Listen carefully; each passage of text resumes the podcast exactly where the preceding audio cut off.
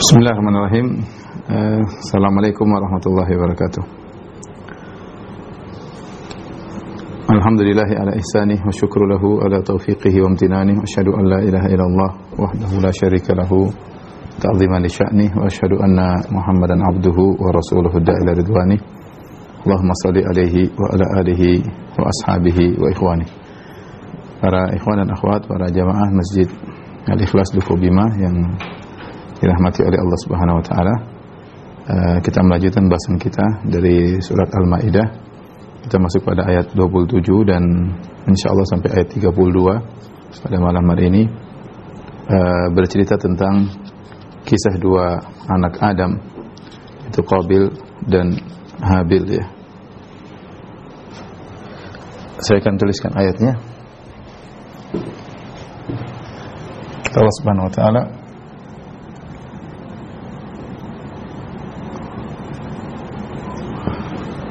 واتل عليهم نبأ بني آدم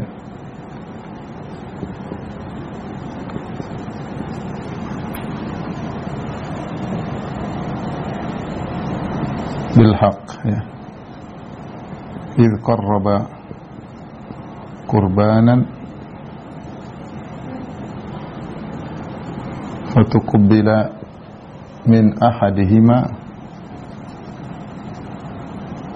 walam yitaqabbal min al akhar.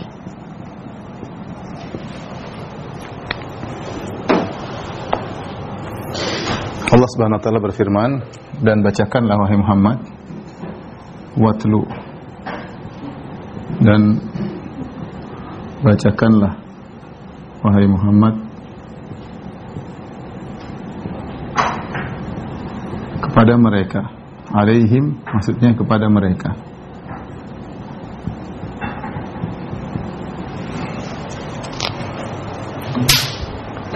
Pada mereka ya. Tentang naba abnai Adam. Kabar tentang dua anak Adam. Kabar tentang dua anak Adam. Bilhaq dengan cerita yang benar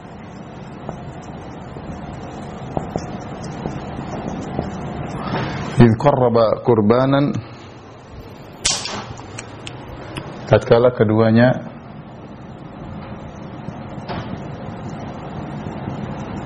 keduanya uh, berkorban yaitu memberi sesembahan atau kepada Allah Subhanahu wa taala fatuqbila min ahadihima. Diterimalah dari salah satunya.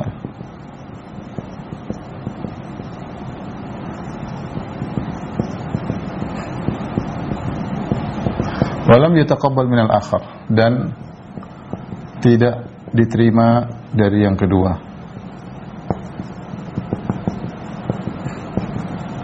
Baik. Berarti di sini Allah Subhanahu wa taala memerintahkan dan bacakanlah watlu alaihim. Ini kata perintah ya dan bacakanlah. Yang menunjukkan bahwasanya kisah ini penting ya. Ini menunjukkan ya kisah ini penting. Sehingga Allah menyuruh untuk membacakannya. Alaihim kepada mereka, siapa mereka di sini? Banyak ahli tafsir mengatakan maksudnya adalah kaum Yahudi. Kaum uh, Yahudi yang mereka adalah orang-orang yang hasad kepada Nabi wasallam. Yang hasad. Kata Allah Subhanahu wa taala, hasadan min indi anfusihim. Mereka hasad sehingga tidak mau beriman kepada Nabi ya. Mereka hasad tidak mau beriman kepada Nabi.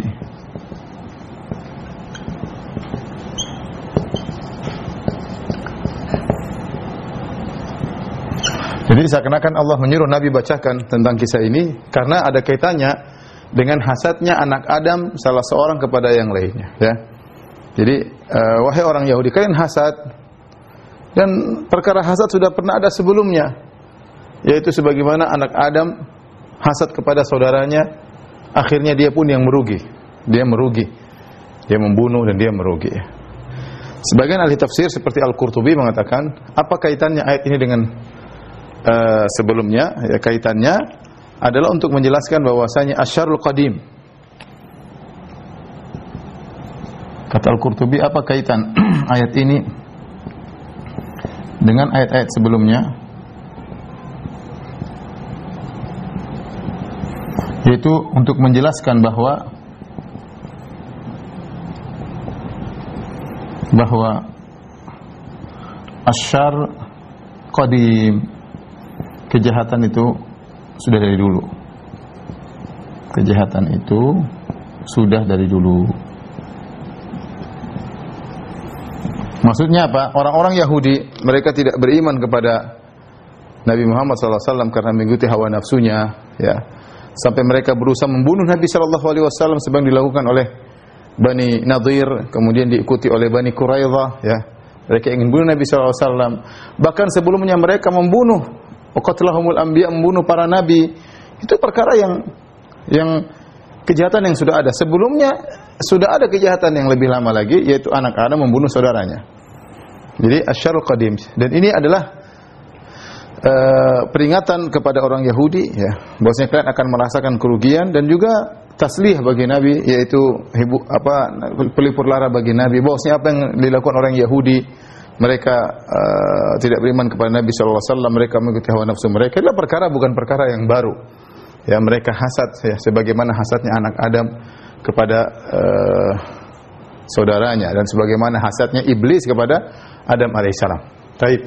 Watlu alaihim bacakanlah kepada mereka tentang kisah dua anak Adam bil haq Kisah tersebut benar ya. Allah yang cerita ya. Ya. Ya sebagaimana uh, dzalika Isa bin Maryam qaul al-haqq alladhi fihi yamtarun. Seperti Allah mensifati tentang kisah Isa bin Maryam. Inilah kisah Isa bin Maryam yang sesungguhnya. Yang sesungguhnya yang mereka meragukan atau mereka perdebatkan ya. Namun yang benar kisah yang Allah sampaikan bahwasanya Nabi Isa alaihissalam adalah manusia putranya Maryam bukan Tuhan ya tidak disalib ya, dan seterusnya ya demikian juga kisah dua anak Adam ini Allah ceritakan dengan uh, dengan benar ya. Tidak ditambah-tambahin bukan dongeng benar-benar cerita yang benar. Uh, kabar tentang dua anak Adam. Dua anak Adam siapa? Uh, ada dua pendapat. Jumhur ulama, jumhur ahli tafsir dan rata-rata seluruh ahli tafsir ya mengatakan bahwasanya dua anak ini adalah dua anak langsung dua anak langsung Adam. Adam dan Hawa.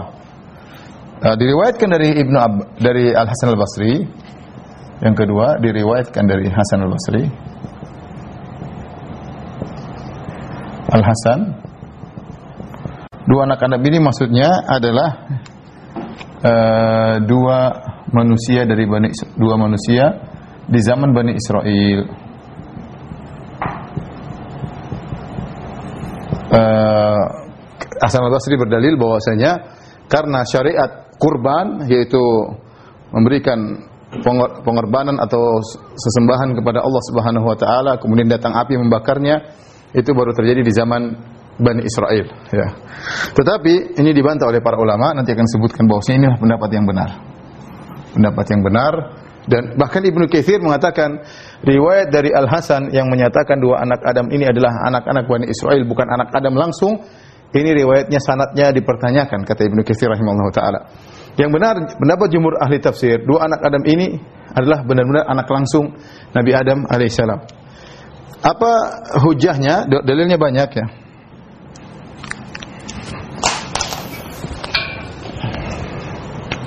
Dalilnya pertama kesepakatan ahli tafsir. Ya, eh, yang kedua zahir ayat. Zahir ayat mengatakan dua anak Adam. Berarti ya asalnya dua anak Adam berarti anak langsung. Kalau bapaknya bukan Adam, bapaknya langsung bukan Adam, akan disebut anak yang anak bapaknya tapi disebut anak Adam berarti anaknya langsung. Uh, kemudian yang ketiga nanti disebutkan dia tidak tahu cara menguburkan ya. Qabil tidak tahu cara menguburkan Habil. Habil yang telah dia bunuh ya. Berarti ini berarti ini pembunuhan pertama. Berarti ini pembunuhan pertama. Kalau seandainya pada Bani Israel berarti sudah terjadi pembunuhan-pembunuhan sebelumnya. Masalah kubur mengubur sudah hal yang diketahui oleh manusia. Yang kemudian hadis yang Rasulullah SAW sebutkan, ma ma min nafsin kutilat zulman illa kana li ibni adam kiflun ya. Tidaklah seorang terbunuh pun secara kezaliman kecuali anak Adam yang pertama Qabil juga mendapat dosa. Kenapa? Li'annahu awwala man sannal qatl. Li'annahu awwala man sannal qatl. Karena Qabil yang pertama kali mencontohkan pembunuhan.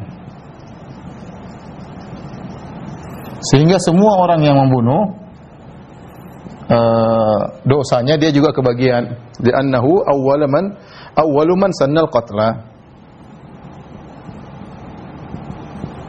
man sannal baik. Jadi pendapat yang benar bahwasanya pendapat jumhur ahli tafsir yang dimaksud dengan anak Adam ini anak Adam yang uh, sesungguhnya. Kebanyakan salaf menyatakan anak Adam tersebut namanya Qabil dan Habil ya. Ya. Qabil dan Habil. Kemudian bagaimana kisahnya? Idh qarraba kurbanan. Tatkala mereka berdua berkorban. Apa sebab mereka berkorban? Disebutkan oleh para ahli tafsir ya. Di antara Ibnu Katsir rahimahullahu taala menyebutkan perkataan para salaf yang kita menjadikan sandaran dalam menafsirkan ayat ini. Kata Ibnu Katsir dengan sanad yang jayyid, dengan sanad yang hasan.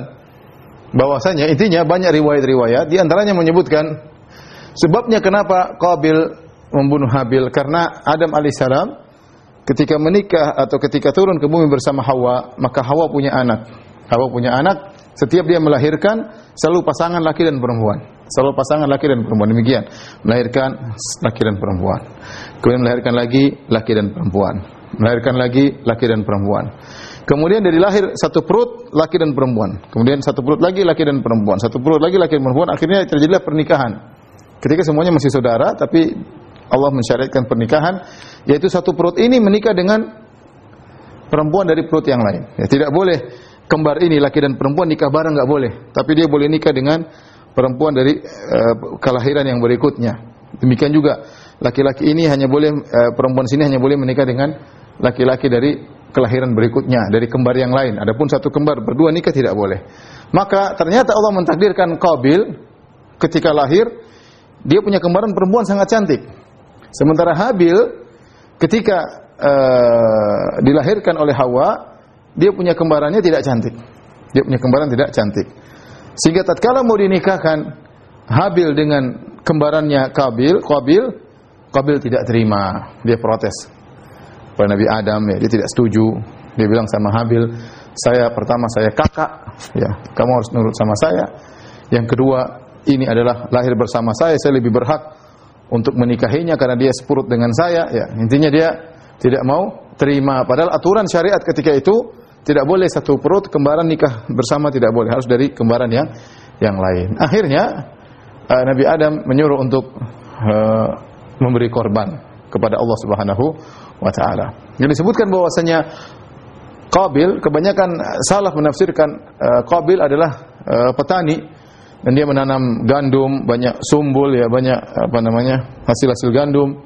Sementara Habil dia beternak kambing, beternak kambing, ya. Makalah pergilah mereka berdua.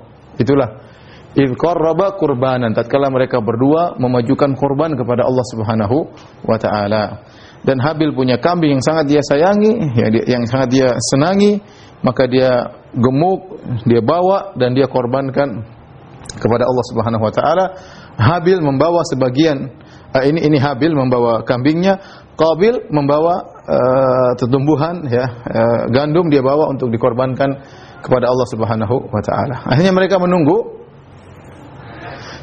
tiba-tiba datang api kemudian memakan kambingnya Habil.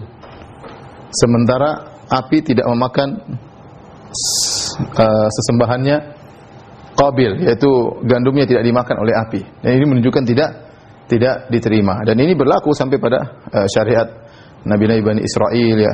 Ya, kalau terjadi peperangan mereka tidak boleh makan gonimah ya. Gonimah harus ditaruh, dikumpulkan. Yang halal gonimah cuma Nabi wasallam. Kata Nabi, "Utiya utitu khamsan lam yu'tahunna ahadun minal anbiya'i qabli." Aku diberikan lima perkara dikhususkan lima perkara yang tidak diberikan kepada nabi-nabi sebelumnya. Di antaranya uhillat liyal ghanaim. Aku dihalalkan gonimah. Kalau nabi-nabi terdahulu mereka perang, gonimah dikumpulkan, nanti datang api memakan gonimah tersebut, hilang. Ludes api dari langit, subhanallah. Bagaimana mukjizat-mukjizat zaman dahulu. Uh, kemudian Qabil dan Habil meletakkan ya sesajen mereka kalau bahasa kita satu kambing, satu gandum. Ternyata kambingnya Habil dimakan oleh api berarti diterima oleh Allah Subhanahu wa taala. Adapun tumbuhan uh, gandumnya Qabil tidak diterima. Kata Allah fatukubbila min ahadihima wa lam yutaqabbal minal akhar. Diterimalah dari salah satunya yaitu dari Habil ya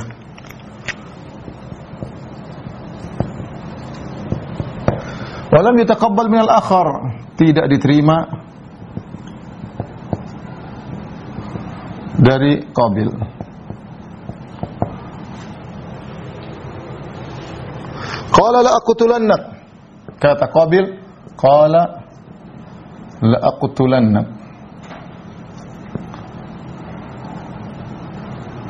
لأقتلنك.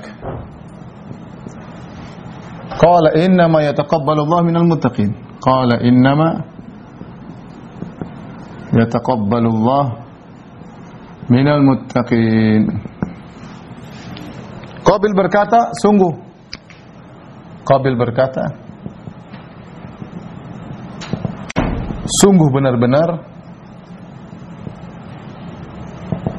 aku akan membunuhmu. Akan membunuhmu. Habil berkata,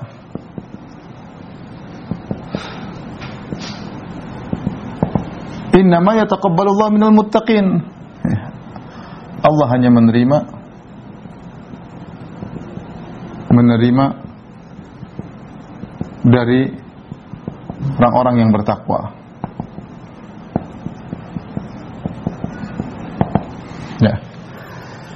Tapi ketika uh, Qabil tidak diterima korbannya, maka dia pun hasad. Di sini lihat Qabil hasad. Hasad. Hasadnya mengantarkan kepada membunuh saudaranya. Mengantarkannya untuk membunuh saudaranya. Subhanallah, hasad ini luar biasa ya. Makanya dikatakan awwalu dzambin usiyallahu fis sama hasad wa awwalu dzambin usiyallahu fil ard hasad. Kata sebagian salaf bahwasanya dosa yang pertama kali terjadi di langit Allah dimaksiati adalah hasad yaitu hasadnya iblis kepada Adam. Dan dosa yang pertama kali terjadi di bumi, dosa pertama kali terjadi di bumi Allah dimaksiati adalah hasadnya Qabil kepada Habil. Ya, oleh karenanya hasad ini berbahaya. Bahkan hasad terjadi pada saudara. Lihat bagaimana Qabil hasad kepada Habil akhirnya membunuh Habil. Lihatlah bagaimana saudara-saudara Nabi Yusuf alaihissalam, ikhwatu Yusuf, mereka hasad kepada Nabi Yusuf, mereka hampir bunuh. Ya. Mereka hampir bunuh Yusuf sampai ada yang berkata la taqtuluhu ya. Ya. Jangan jangan apa namanya? Jangan bunuh. Uh, jangan bunuh uh, la taqtulu Yusuf. Qala qailun minhum la taqtulu Yusuf. Jangan bunuh Yusuf. Alquhu fi ghayabatil jubi sudah lemparkan dalam dalam sumur saja. Tetapi mereka sampai berencana ada rencana tatkala saudara-saudaranya hasad kepada Yusuf. Ada di, ada yang merencanakan untuk bunuh Yusuf. Tapi akhirnya mereka tidak bunuh tapi mereka melemparkan di dalam sumur dijual menjadi budak. Ya, padahal itu adik mereka sendiri ya. Jadi hasad ini uh, sangat berbahaya ya. Hasad sangat berbahaya. Saya pernah ketemu dengan seorang dia, dia mengeluh, dia mengatakan, "Ustaz, dia bilang istrinya atau siapanya di, di, disantet Ustaz. Siapa yang santet? Saudaranya sendiri, adiknya atau kakaknya. Loh. Loh, kasih tahu tidak boleh. Sudah Ustaz, dia sudah tahu Ustaz kalau santet itu haram. Bahkan dia belajar di pondok. Loh, kenapa dia masih santet? Karena dia hasad Ustaz, saking hasadnya. Bayangkan dia sudah tahu santet itu haram, tetap aja dia gara-gara hasad maka dia santet saudaranya sendiri. Ini terjadi ya.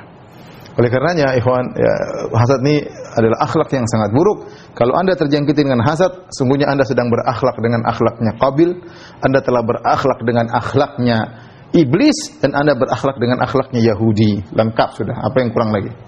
Akhlaknya eh, makhluk-makhluk uh, yang sangat buruk. Maka lawan. Kalau ada hasad maka lawan. Jangan dibiarkan bertokol di dada kita. Lawan, ya semaksimal mungkin kita berdoa kepada Allah Subhanahu wa taala. Doa wala taj'al fi qulubina ghillan lil ladzina amanu rabbana innaka raufur rahim. Ya Allah janganlah kau jadikan dalam hati kami ghil yaitu penyakit hati kepada orang beriman yang lainnya. Ya innaka raufur rahim sungguhnya engkau maha uh, lembut dan maha penyayang. Baik. Ketika dia mengancam Habil untuk dibunuh, Habil berkata, Innama yataqabbalu Allahu minal muttaqin. Hanyalah Allah menerima orang yang bertakwa. Seakan-akan dia berkata, apa salahku? Ya, Habil berkata, "Apa salahku sehingga engkau ingin membunuhku?"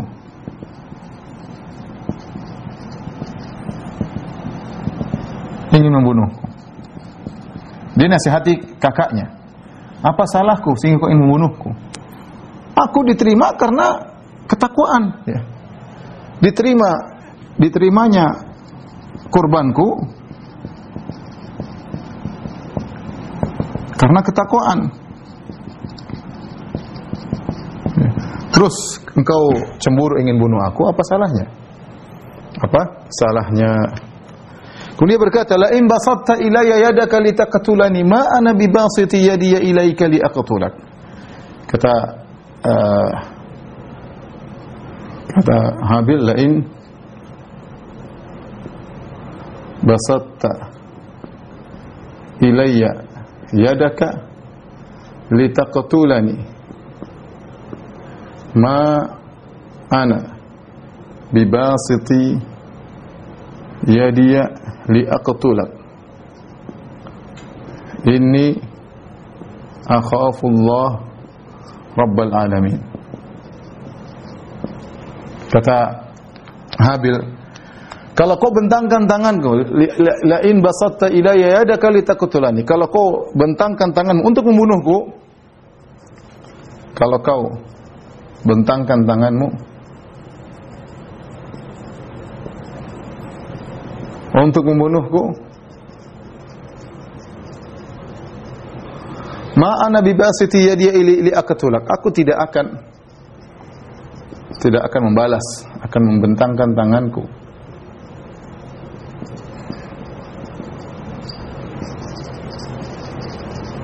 tanganku untuk membunuhmu. Ini akhafullah rabbal alamin. Aku takut dengan Allah penguasa alam semesta. Jadi ketika saudaranya ingin bunuh langsung Habil berikrar, wahai saudaraku, apa salahnya aku? Diterima karena aku bertakwa. Kalau kau ingin diterima, bertakwalah kepada Allah Subhanahu wa taala. Disebutkan bahwasanya Habil ketika uh, memberikan kambing, dia pilih kambing yang terbaik yang sangat dia cintai. Sementara Habil uh, itu Habil, dia pilih kambing yang terbaik untuk dijadikan sajian kepada Allah Subhanahu wa taala. Adapun Qabil dia milih gandum yang kurang bagus. Ya, maka Habil mengingatkan, sungguhnya ya kalau mau diterima ya bertakwa kepada Allah Subhanahu wa taala dan aku tidak akan kalau kau ingin bunuh aku, aku tidak tidak akan balas. Ya, aku tidak akan balas. Ya, Ma ana bibasiti yadi li aqtulak. Kenapa? Ini akhafullah rabbal alamin. Karena aku takut kepada Allah Subhanahu wa taala. Kata Ibnu Abbas, ma annahu kana asyaddar rajulain. Padahal dia yang paling kuat daripada Qabil. Kalau dia melawan bisa. Habil ini meskipun adik dia lebih kuat tenaganya. Dan dia bisa melawan Qabil. Tapi dia tidak mau melawan Qabil. Makanya dia mengatakan, aku tidak akan bentang tanganku untuk membunuhmu. Kalau mau aku bisa. Aku bukan karena penakut. Tapi apa? Ini akhafullah rabbal alamin. Aku takut kepada Allah Subhanahu wa Ketakwaan, rasa takut ini rasa takut menghalangi orang menghalangi orang untuk bermaksiat.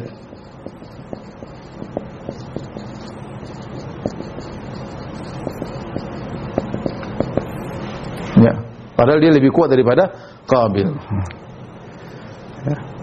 Kemudian dia berkata, "Inni uridu an tabu'a bi ithmi wa ithmika fatakuna min ashabin nar." Berarti kan? Ya. Setelah itu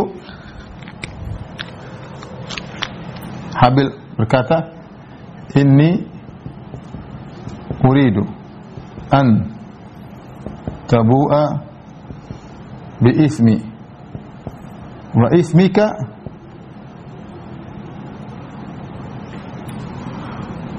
fatakuna fatakuna min ashabin nar." Wa dzalika.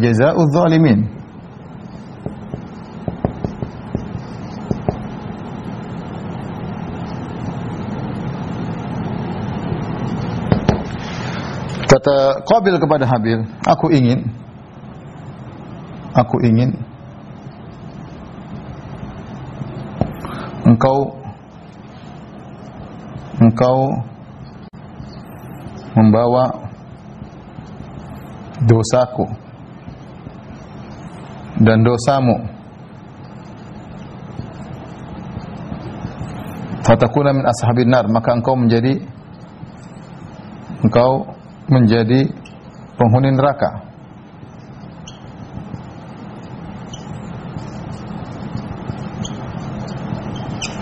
Wadzalika jazaa'uz zalimin. Dan ini adalah balasan bagi orang-orang zalim.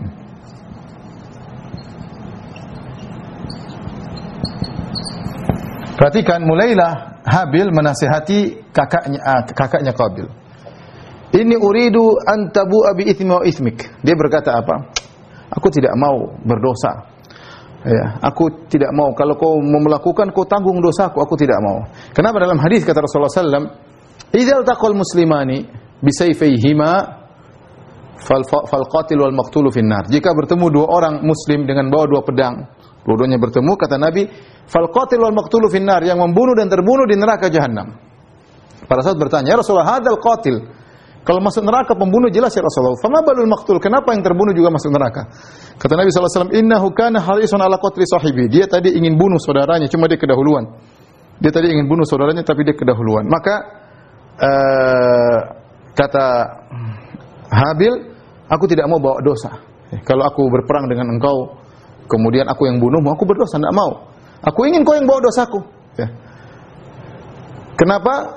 Sebenarnya menafsirkan bahwasanya engkau membawa dosaku maksudnya bukan bukan kau menanggung dosaku tetapi dosa kotli dosa membunuhku membunuhku dan juga dosa-dosamu sebelumnya dosa-dosamu sebelumnya ya kalau kau membunuhku Kau akan berdosa, kau akan menanggung dosa membunuhku dan kau akan bawa nanggung dosa-dosa sebelumnya yang kau lakukan dan kau akan termasuk penghuni neraka dan itu adalah balasan bagi orang-orang yang zalim. Kata Ibnu Abbas radhiyallahu taala anhu di, di uh, dinukilkan oleh ahli tafsir maksudnya Ibnu Abbas sedang menasi, apa uh, Habil sedang menasihati Qabil ya. Karena kalau kita baca baca zahir daripada ayat ini ini uridu an tabu'a bi ithmi wa ithmika fatakuna min ahsabin Sungguhnya aku ingin kau bawa dosaku dan dosamu kemudian kau masuk neraka. Seakan-akan dikatakan Habil ingin Kabil masuk neraka, padahal bukan. Bukan seperti ini maknanya. Maknanya si Habil sedang menasihati Qabil. Wahai Qabil, kalau kau bunuh aku ingat kau akan tanggung dosa membunuhku. Aku tidak bawa dosa karena aku tidak melawan. Kemudian kau akan menanggung dosamu. Kalau kau sudah membawa dosa membunuhku dan membawa dosamu, kau akan masuk neraka. Hati-hati, itulah balasan dari orang-orang yang berbuat zalim. Dia nasihati kakaknya, jangan, jangan kau lakukan. Jangan kau kau lakukan. Kenapa? Karena kalau orang sudah bertemu dua orang muslim yang membunuh dan terbunuh sama-sama masuk neraka. Oleh karenanya para sahabat, eh, para ahli tafsir ketika menyebutkan ayat ini mereka membawakan hadis-hadis Nabi SAW jika terjadi fitnah. Kalau terjadi fitnah, kata Nabi SAW, al-qaid khair al-qaim al-qaid khairun min al-qaim wal qaim khairun min al-mashi wal mashi khairun min as-sa'i. Kalau terjadi fitnah, yang duduk lebih baik daripada yang berdiri. Jangan ikut-ikutan. Apalagi fitnah yang luar biasa terjadi pertumpahan darah, udah jangan ikut-ikutan, diam aja. Kenapa yang terjadi sama kaum muslimin beda kalau orang kafir, orang kafir lain cerita. Jadi perang ya ikut perang, tapi di sama kaum muslimin. Ya, kalau terjadi fitnah bisa terjadi, kita tahu dua-duanya kaum muslimin kelompok ini, kelompok ini sudah. uh, yang yang duduk lebih baik daripada yang berdiri. Yang berdiri lebih baik daripada yang berjalan. Yang berjalan lebih baik daripada yang daripada yang berusaha berlari ke sana. Jangan ikut-ikutan sudah, dia diam. Orang bilang ente enggak ikut, ente enggak sudah. Lah ini kaum muslimin semuanya. Gimana saya mau campur dalam hal tersebut? Ya. Sampai terjadi sebagian fitnah. Kita tidak bicara zaman dulu, zaman sekarang. Saya punya teman dulu dari Libya. Saya, waktu saya sekarang dia sudah pulang ke Libya. Doktor, saya bilang, "Ya, akhi, kapan nanti pulang ke Libya?" Libya lagi perang sekarang. Ketika Gaddafi meninggal dunia, terjadi dualisme kepemimpinan sehingga terjadi sampai teman saya saya pernah makan bareng dia meninggal di sana. Meninggal gara-gara ada dua dua suku yang eh, dua kabilah yang sedang bertikai, dia masuk dia mendamaikan. Akhirnya damai ketika dia pergi setelah mendamaikan ditembak dari belakang tidak tahu siapa yang menembaknya. Sampai teman saya saya masih ingat dia berkata kepada saya, Firanda, saya tidak tahu. Kalau saya pulang sekarang, kalau saya dibunuh, saya tidak tahu kenapa saya dibunuh. Saking hebatnya fitnah ketika itu. Mudah-mudahan sekarang sudah menjadi baik ya. Tapi intinya, ketika terjadi fitnah antara kaum muslimin, lebih baik menjauh. Yang berdiri, duduk lebih baik daripada berdiri, yang berdiri lebih baik daripada Mungkin jangan ngomong, jangan ngomong, diem. Jangan sampai omongan kita menimbulkan api kemarahan dan terjadi fitnah akhirnya ada yang terbunuh. Gara-gara provokasi yang kita ucapkan. Ya. Kita menyuruh jihad, jihad lawan orang Islam sendiri. Gimana jihad lawan orang Islam? Jihad, gimana jihad? Kita pun orang Islam. Gara-gara mungkin salah salah apa berbeda pandangan, berbeda pendapat. Jangan ya, akhi. Udahlah kita diem ya. Sampai Nabi mengatakan kun Abdullah kun ibnu Adam al-maktul. Kata Nabi kalau sampai terjadi ada orang masuk di rumahmu di musim fitnah, jadilah kau anak Adam yang terbunuh. Wala takun ibnu Adam al-qatil. Jangan kau menjadi anak Adam yang membunuh. Jangan. Kalau memang terjadi fitnah kemudian orang sudahlah. Mau apa lagi ya? Memang kita berhak membela diri, tapi jangan sampai kita akhirnya salah kita membunuh orang yang tidak berhak untuk dibunuh karena dosanya sangat sangat besar. Ya. Ya, makanya ketika anak Adam Habil ingin dibunuh oleh Qabil, dia nasihati, saya tidak akan lawan. Kau bentangkan tanganmu, saya tanganku saya tidak akan bentangkan. Kalau kau bunuh saya, kau akan bawa dosaku, ya, akan bawa dosaku. Oleh karenanya ulama mengatakan ini uh, adapun Ibnu Katsir mengingatkan adapun hadis yang mengatakan kalau ada si A bunuh si B, semua dosa B diambil oleh si A, itu hadis la asralahu, tersebar di masyarakat. Si A bunuh si B, maka seluruh dosa B, mau jahat, mau apa, diambil semuanya oleh si A. Dan si A akan bertanggung jawab memikul seluruh dosanya. Mereka berdalil dengan ayat ini dan kesalahpahaman. Kata Ibn Kathir lagi pula hadisnya, La asralahu, tidak ada sanatnya sama sama sekali. Hanya perkataan yang tersebar. Namun kata Ibn Kathir rahimahullah ta'ala, bisa terjadi. Karena di antara kezaliman yang paling besar pada hari kiamat adalah masalah darah. Awalu ma bainan nas fid dima. Kata Nabi SAW, yang pertama kali di sidang manusia adalah masalah darah. Ya, maka sangat memungkinkan ya dosa-dosanya akan dia pikulkan kepada sang pembunuh. Ini sangat mungkin. Sangat mungkin ya. Dia, dia terbunuh begitu hebatnya kezaliman tersebut, dahsyatnya kezaliman tersebut membunuh, bisa jadi yang terbunuh dosa-dosanya dia transfer semua kepada yang membunuh. Tapi intinya hati-hati, intinya hati-hati. Apa yang terjadi setelah dinasihati Habil menasihati Qabil? Fatakuna min ashabin nar hati-hati kau akan menjadi penghuni neraka jahanam wa dzalika jazaa'u dzalimin dan adalah balasan bagi orang-orang yang zalim. Apa kata Allah? Fatawwa'at lahu lahu nafsuhu qatla akhihi. Faqatalahu fa asbaha minan nadimin fa minal khasirin.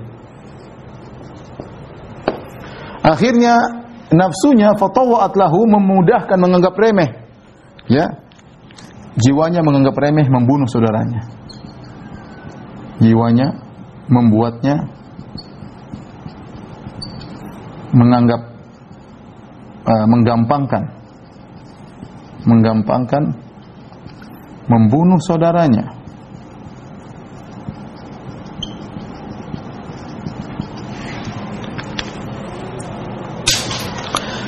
faqatalahu maka dia pun bunuh. Dia pun bunuh. Qabil pun bunuh Habil. Fa asbaha minal khasirin, jadilah dia orang yang merugi. Orang yang merugi. Ya. Uh, setan uh, jiwanya jiwanya menghiasinya untuk akhirnya uh, melakukan pembunuhan ya. Akhirnya dia bunuh saudaranya sendiri padahal saudaranya sudah menasihati begitu dalam ya, namun jiwanya menguasai dia, menggampangkan Allah bunuh apa masalahnya. Akhirnya dia bunuh saudaranya. Fa asbaha minal khasirin, jadilah dia orang yang merugi ya. Setelah dia membunuh uh, saudaranya, dia bingung bagaimana cara menguburkan saudaranya. Tolong dihapus.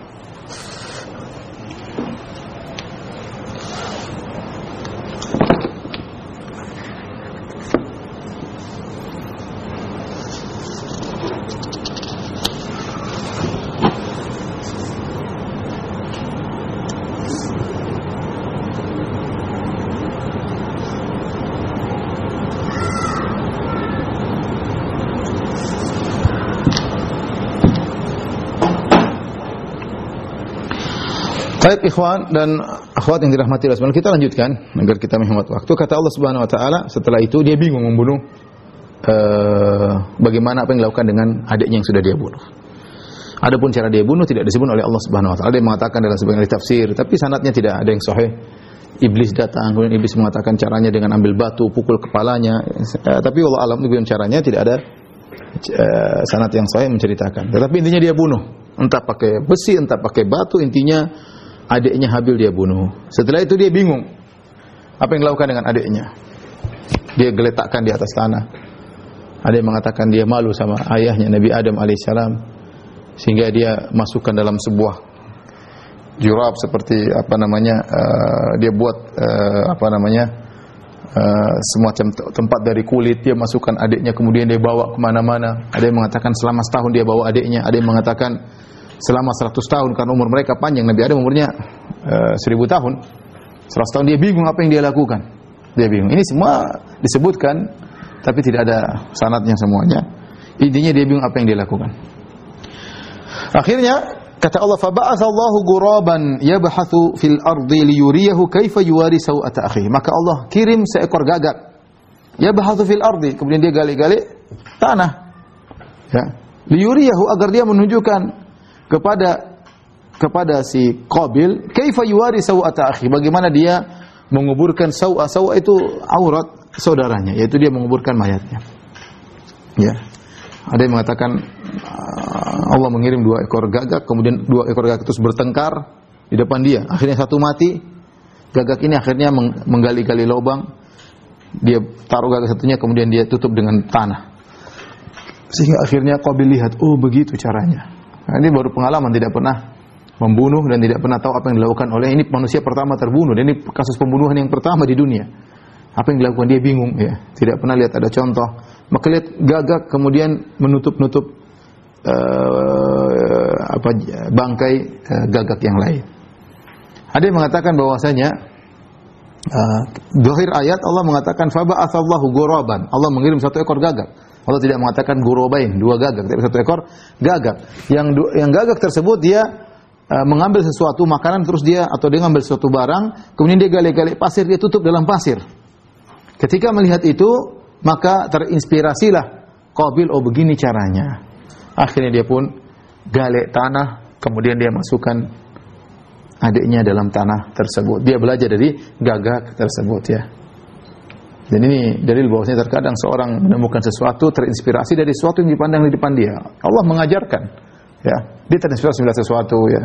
Sesuatu seperti katanya Konon Ishak Newton ketika duduk kemudian lihat apel jatuh kemudian pikir gravitasi intinya ada saja hal-hal yang terjadi di luar diugaan sendiri dia mikir-mikir-mikir tahu ting tiba-tiba nyambung connect siapa yang bikin Allah Subhanahu wa taala karena Allah mengajarkan manusia berbagai macam hal saya kadang pikir bagaimana manusia ini obat ini, ini obat anu, kemudian makanan begini campur gini. Ya kalau semuanya kebetulan nggak mungkin, pasti mereka belajar ya, ngajarin mereka kasih tahu kalau ini enak dimakan. Ini ya, tentu ada yang mengajarkan ya. Insting benar ada insting, ada firasat, tapi Allah yang mengajarkan. Seperti kisah ini, ya bagaimana Qabil tidak tahu cara membunuh, Allah kirim. Faba'athallahu ghuraban. Allah kirim sehingga dia terinspirasi melihat gagak menggali. Oh, begini caranya. Akhirnya dia belajar. Maka uh, dia pun kubur adiknya fa asbaha minan nadimin maka dia pun menyesal dia pun menyesal uh, oleh karenanya kalau mayat sudah meninggal harus di, dikubur. Jangan dibiarkan terbuka ya, karena ma manusia asal dari tanah maka dikubur aurat bagi bagaimana mayat kemudian menimbulkan bau yang sangat busuk. Kalau dibiarkan saja harus di uh, dikuburkan. Saya para ulama menyebutkan bagaimana kalau mayat tersebut uh, meninggal di uh, lautan. Ya, sebut oleh para fukaha gimana kalau mayat tersebut tinggal lautan sementara tidak ada yang bisa menahan baunya misalnya. Ya, nggak mungkin taruh di, di atas kapal menimbulkan bau, tidak ada yang bisa menutup dan ini menimbulkan bahaya, bisa terjadi penyakit dan yang lainnya. Saya pernah mengatakan kalau tidak mungkin dan kapal ini masih jauh, tidak akan bersandar kecuali sebulan atau dua bulan kemudian, maka hendaknya dia uh, dilemparkan dalam uh, dalam lautan, dikafankan dengan baik, kemudian disolatkan semuanya. Kalau memang tanah tidak bisa, maka diletakkan di lautan. Kalau bisa diletakkan eh, besi yang berat sehingga mayat tersebut jatuh di dasar laut. Kemudian nanti mudah-mudahan uh, tanah lautan menutupinya seperti itu. Ini pendapat sebagian fuqaha. Ada yang mengatakan kalau sudah dekat dekat suatu pulau maka letakkanlah kayu semoga mayat tersebut terdampar di suatu pulau kemudian nanti orang-orang akan menguburkannya di di situ. Karena mayat semuanya harus dikubur. Ya, mau muslim mau kafir dikubur. Oleh karenanya Ali bin Abi Thalib ketika bapaknya meninggal dunia Abu Thalib ya kemudian Ali datang kepada Nabi ya Rasulullah inna ammaka Syekh Abdul qad mat. Ya Rasulullah pamanmu Abu Thalib yang tersesat ya, tidak masuk Islam, telah mata, telah meninggal dunia. ya, maka Nabi SAW mengatakan kepada Ali, idhab fawari, fawari, wahai wahai Ali, pergilah dan kuburkanlah bapakmu. Ali, uh, Ali berkata, Innahu mata kafiran. Ya Rasulullah, dia mati kafir. Saya tidak mau kubur. Kata Rasulullah SAW, idhab fawari. Pergilah dan kuburkanlah bapakmu. Ya, akhirnya Ali menguburkan. Jadi sama ketika Nabi SAW eh, berperang dalam perang Badar, kemudian Abu Jahal dan teman-teman, Nabi kuburkan, dalam sumur, Nabi kuburkan, tutup. Ya. Manusia, manusia. Ya, ini sebagai anak Adam dikuburkan. Dikuburkan. Sehingga, tapi kalau tidak ada tanah, tidak mungkin menyampai tanah, boleh dikuburkan di di lautan sebagaimana fatwa para uh, para ulama. Namun kata para ulama tidak boleh dikuburkan di lautan kecuali benar-benar tubuhnya mau rusak, terasa sudah mau rusak ya. Kalau masih ada kemungkinan sampai ke daratan maka tidak boleh. Hukumnya haram, harus di, dibiarkan sampai tubuhnya benar-benar mau rusak, sudah tidak mungkin lagi untuk uh, uh, tidak mungkin dibawa ke daratan maka uh, silakan dikuburkan. Disebutkan dalam Ibnu Hibban kisah Abu Talha Al-Ansari radhiyallahu anhu, dia meninggal di kapal. Meninggal di kapal bersama sahabat-sahabat yang lain bersama teman-temannya. Mereka bingung bagaimana ini. Ya, tapi mereka tunggu sampai padahal perjalanan masih seminggu lagi. Dan mayat mungkin dua tiga hari ya zaman dulu tidak ada alat untuk untuk membuat mayat bertahan lama. Dua tiga hari lagi uh, mungkin sudah bau ya atau satu hari dua hari sudah bau. Sementara masih seminggu lagi baru sampai di daratan. Ternyata mereka tunggu, mereka tunggu sampai mulai mungkin mulai mulai bau baru mereka akan lemparkan ke lautan. Ternyata sampai seminggu nggak ada apa-apa, ya, sahabat. Akhirnya dikuburkan sampai di di daratan ya, sampai di daratan. Ini sekedar bahwasanya Allah menamakan dalam ayat ini uh, fa'uwariya sau'ata akhi. Ya, aku akan menutup. Sau' itu artinya aurat. Artinya mayat ditutup, ya, jangan dibiarkan terbuka menimbulkan bau yang tidak enak, dilihat jadi pandangan orang, jadi apa nama cercaan orang, ini mengganggu, maka dia dikuburkan. Ya, bahkan ulama mengatakan dikuburkan dikuburkan nah, yang cukup dalam sehingga tidak bisa digali oleh hewan buas misalnya harus eh, ukuran yang tertentu ya. Demikian juga kalau misalnya ternyata tanah berair dan tidak bisa dikuburkan, boleh dimasukkan dalam peti kemudian dikuburkan, kemudian ditumpuk sih ya. Karena kalau mungkin tidak air terus nggak bisa ya terpaksa dimasukkan dalam peti, diberatin, dikuburkan baru di ditimbun. Yang penting tertutup. Ini semua darurat ya. Fa asbaha minan nadimin, maka dia pun menyesal ya. Menyesal sini maksudnya apa? Kata para tidak bertobat. Penyesalan mungkin terjadi tapi tanpa tobat. Kalau dia bertobat mungkin diterima tobatnya oleh Allah Subhanahu wa taala. Mungkin diterima tobatnya oleh Allah Subhanahu Namun dia tidak tidak uh, bertobat kepada Allah Subhanahu wa taala. Oleh karenanya Nabi SAW bersabda, "La tuqtalu nafsun zulman illa kana ala bini Adam al-awwal kiflun min damiha." Li'annahu awwalu man sannal qatla. Kata Nabi SAW, tidak ada satu jiwa pun yang terbunuh secara zalim kecuali dosanya juga ditanggung oleh anak Adam yang pertama, yaitu Qabil. Karena dialah yang pertama kali mencontohkan pembunuhan. Seandainya dia bertobat tentu selesai. Ya, tentu selesai. Al-Qurtubi dalam tafsirnya menyebutkan hal ini. Kalau dia bertobat selesai. Adam alaihissalam bertobat. Allah terima tobatnya selesai. Oleh karena seorang yang melakukan dosa-dosa yang ternyata dosa-dosa jariah, hendaknya dia bertobat kepada Allah Subhanahu wa taala. Makanya Nabi SAW mengatakan, "Wa man sanna fil Islami sunnatan sayyi'atan falahu falahu wizruha wa wizru man amila biha ila yaumil qiyamah min min ghairi an yanqusa min wuzu, min auzarihim syai'an." Kata Nabi SAW, barang siapa mencontohkan perbuatan yang buruk, ya, dia jadi pionir, jadi perintis, mencontohkan uh, suatu keburukan, kata kata Al-Qurtubi di antaranya bid'ah, kemudian diikuti oleh banyak orang bagi dia dosanya dan dosa orang yang mengikutinya sampai hari kiamat tanpa mengurangi dosa mereka. Oleh karena seorang yang pernah melakukan dosa-dosa jariah segera bertobat kepada Allah. Kalau tidak nasibnya seperti anak Adam, menyesal menyesal tapi tidak bertobat. Ya. Di antara eh, syarat tobat bukan hanya sekedar menyesal, ya bukan hanya sekedar uh, menyesal ya. Oleh karenanya dia menyesal tapi ini bukan penyesalan yang mengantarkan dia untuk bertobat kepada Allah Subhanahu wa taala. Kata Allah fa asbaha minan minan nadimin. Ya, akhirnya dia tidak mendapatkan apa yang diinginkan. Ya dia tadi ingin membunuh uh, agar dia bisa menikah dengan kembarannya. Ternyata tidak dia dapatkan ya. Dan ini sama seperti iblis dan juga Yahudi. Iblis ya hasad sama Adam. Apa yang dia dapatkan? Neraka jahanam dia didapatkan sebagian anak Adam menemani di neraka, tapi dia abadi. Ini tidak mendapat apa-apa, dia tidak jadi mulia daripada Adam. Yahudi pun demikian. Ya, ketika dia hasad kepada Nabi Muhammad SAW, mereka hasad kepada Nabi SAW, mereka ingin mendapatkan apa yang mereka dapatkan. Ternyata mereka tidak dapatkan. Justru mereka terusir dari kota Madinah. Kemudian mereka ditaklukkan dalam perang Khaybar. Ya, hasad tidak membuahkan apa yang mereka uh, dapatkan. Fa asbaha minan nadimin.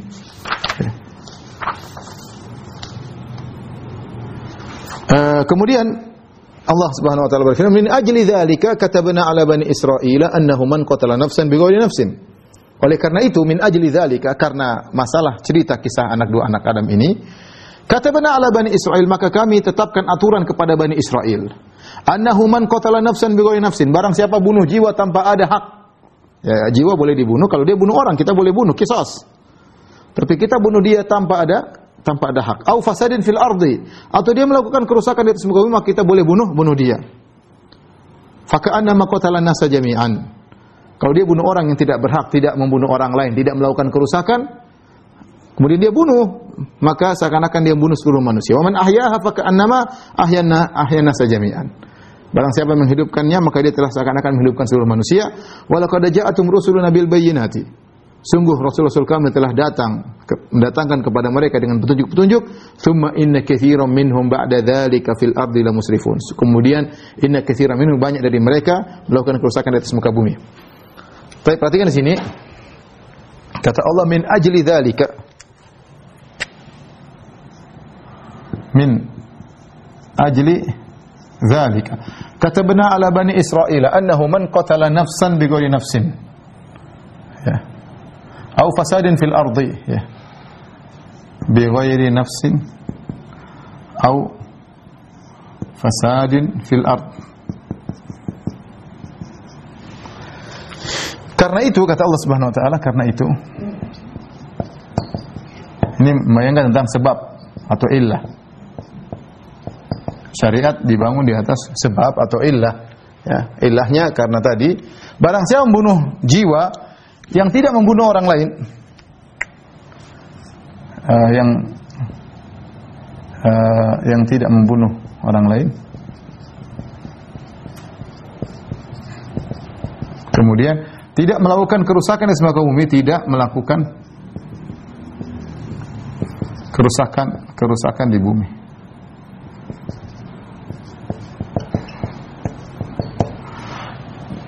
min ajli kadabana ala bin annahu man qatala nafsan bi nafsin aw fasin fil ardi fa ka'annama qatala an-nasa jami'a fa ka'annama qatala an-nasa jami'a seakan-akan dia membunuh seluruh manusia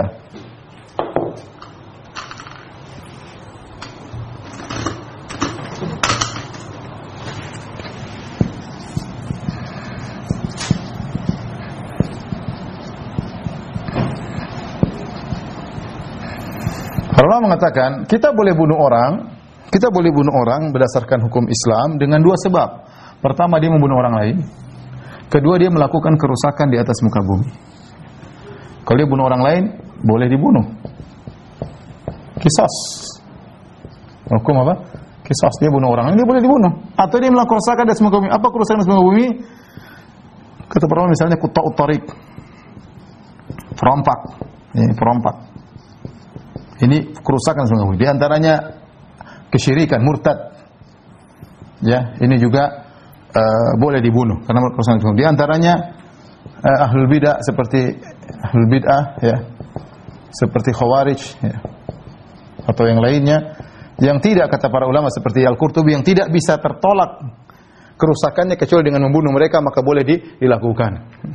Adapun yang tidak melakukan ini dan tidak melakukan ini maka tidak boleh dibunuh. Barang siapa membunuh orang yang tidak melakukan pembunuhan dan tidak melakukan kerusakan, faka'annama qatala nasa jami'a. Seakan-akan yang bunuh seluruh manusia. Kenapa bisa demikian?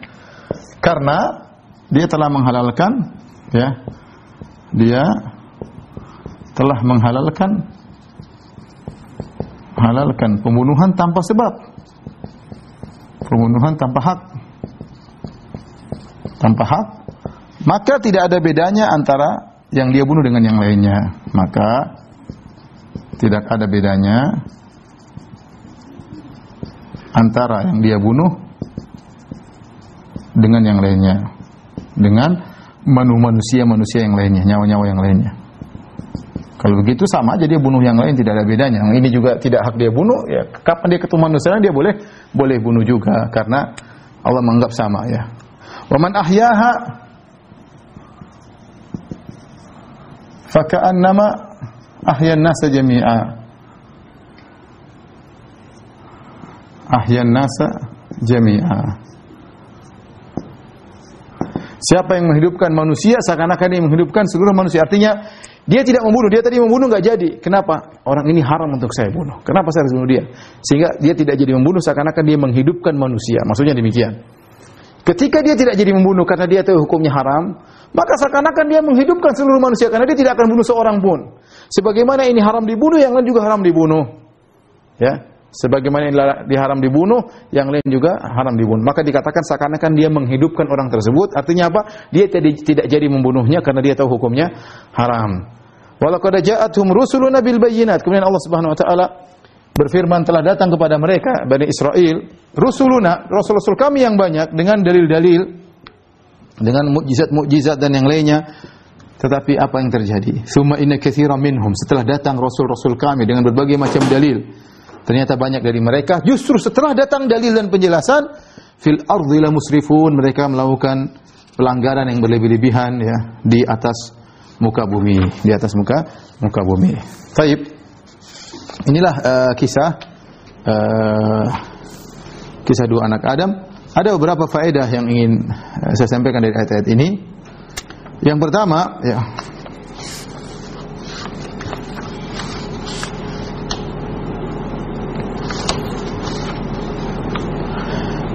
Uh, yang pertama ikhwan yang dirahmati Allah Subhanahu wa taala yaitu uh, bisa jadi dua orang sama-sama melakukan ibadah yang sama.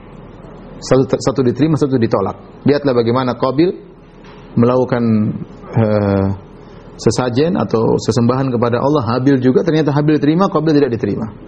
Oleh karena jangan seorang terpedaya saya sama-sama ibadah. Belum tentu saya diterima, belum tentu dia, dia diterima, saya diterima. Belum tentu. Betapa banyak orang sholat bareng-bareng, ya, Eh, berdampingan, mungkin gerak gerakan sholatnya sama, pahalanya antara langit dan bumi. Ya. Ah, bisa jadi seorang sama-sama haji, satu terima, satu tidak terima. Jadi sama-sama korban, sapinya sama-sama berat, satu diterima, satu tidak diterima. Ya.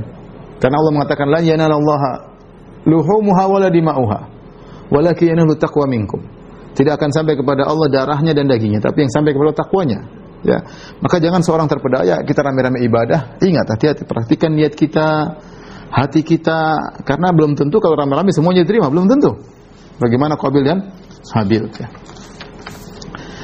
Uh, kemudian di antara uh, faedah yang penting juga yang disebut oleh Syekhul Islam Ibnu Taimiyah rahimahullahu taala uh,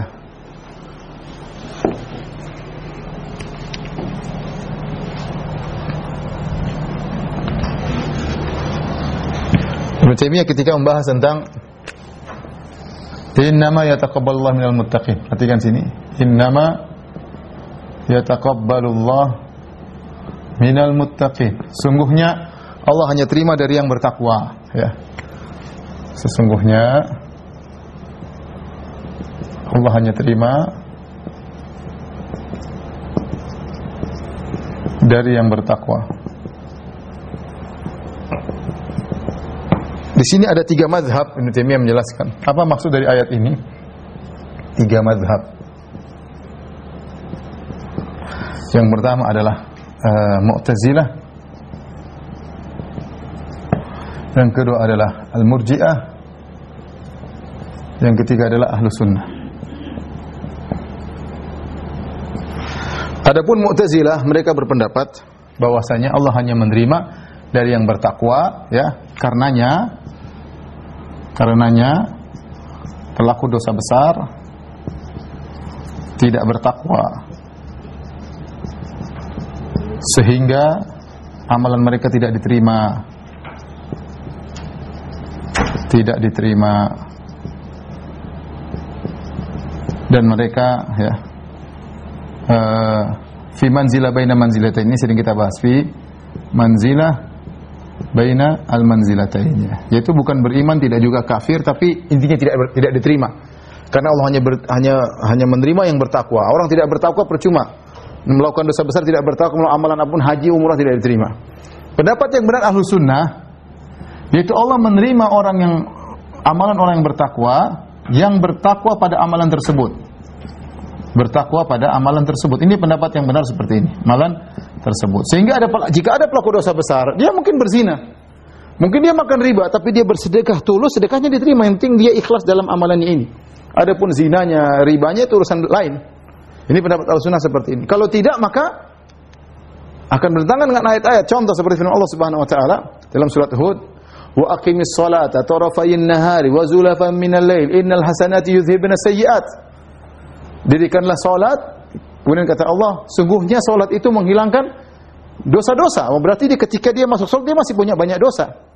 Dia masih punya banyak banyak dosa. Kalau menurut mazhab Mu'tazilah berarti salatnya tidak diterima. Padahal Allah mengatakan salatnya diterima dan salatnya tadi bisa menghapuskan dosa-dosa sebelumnya. Saya ulangi, ya. Ini yang dimaksud dengan inna ma yataqabbalu minal muttaqin Allah Allah terima dari orang bertakwa maksudnya yang bertakwa pada amalan tersebut meskipun dia tidak bertakwa pada amalan yang lain. Mungkin dia zina, mungkin dia riba billah tapi ketika dia bersedekah, ketika dia salat dia tulus maka diterima. Ya, buktinya tadi Allah mengatakan dirikanlah salat tarafayn nahar wa zulafa min di penghujung hari dan juga di malam hari. Innal hasanat sungguhnya salat-salat itu bisa menghilangkan dosa-dosa yang sebelumnya. Berarti salatnya diterima sementara dosa-dosanya tadi terhapus dengan sholatnya. Seperti itu. Contoh lagi, kalau tidak diterima kecuali orang bertakwa, bagaimana orang bisa bertobat? Yes. Sementara dia mau bertobat dia punya dosa. Kalau tobatnya tidak diterima ya gimana? Disyaratkan dia diterima tobatnya, disyaratkan kata Mu'tazilah disyaratkan dia uh, diterima ibadahnya dia harus bersih dari dosa-dosa. Ya susah. Ya sementara dia punya dosa supaya bersih dia bertobat dulu ya.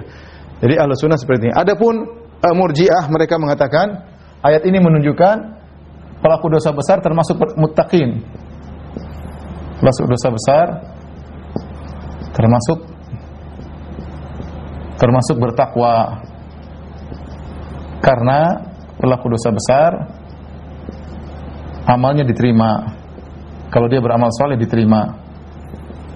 Jadi ini dua hal yang saling bertentangan antara Mu'tazilah dan Murji'ah ini saling bertentangan ya. Yang benar adalah pendapat ahlu ahlu sunnah dan keduanya melihat secara keduanya memandang amal secara umum, amal secara keseluruhan. Secara takwa berkaitan dengan amal keseluruhan. Dengan seluruh amal. Dan ini salah pandang ya. Jadi bertakwa. Adapun ahlu sunnah maksudnya kau bertakwa pada amal yang sedang kau lakukan. Kalau kau bertakwa diterima, meskipun pada amal yang lain kau tidak bertakwa. Mu'tazilah ya. Kalau kau tidak bertakwa pada seluruh amal, maka seluruh amalmu tidak diterima. Dan ini salah. Murji'ah sebaliknya ya. Karena pelaku dosa besar e, diterima amal solehnya berarti dia dianggap bertakwa. Dia dianggap bertakwa. Yang benar adalah madhab sunnah wal jamaah. Baik, ini saja yang bisa saya sampaikan uh, kepada Kawan nafat yang dirahmati Allah Subhanahu wa taala. Uh, mudah-mudahan uh, bermanfaat ya. Dan kita hati-hati dengan penyakit hasad ya karena itu penyakit yang berbahaya yang bisa menimpa uh, siapa saja banyak-banyak berdoa agar tidak terkena hasad ya ya wala taj'al fi qulubina amanu ya kemudian juga kita berdoa agar terhindar dari orang-orang hasad. Wa min syarri hasidin idza hasad. Demikian saja. Dan hati-hati juga yang terakhir kalau ada fitnah yang bisa menimbulkan pertumpahan darah maka jangan ikut-ikutan. Lebih baik duduk daripada berdiri lebih baik berdiri daripada berjalan lebih baik berjalan daripada berusaha ya. Lebih baik diam daripada ngomong. Apalagi sumber omongan kita ternyata beritanya tidak ada yang valid ya. Kita nggak tahu maka lebih baik kita diam sebarkan aja kebaikan tapi jangan ikut-ikutan. Allah alam bisawab ini saja yang saya sampaikan. Wabillahi taufiq wal hidayah. Assalamualaikum warahmatullahi wabarakatuh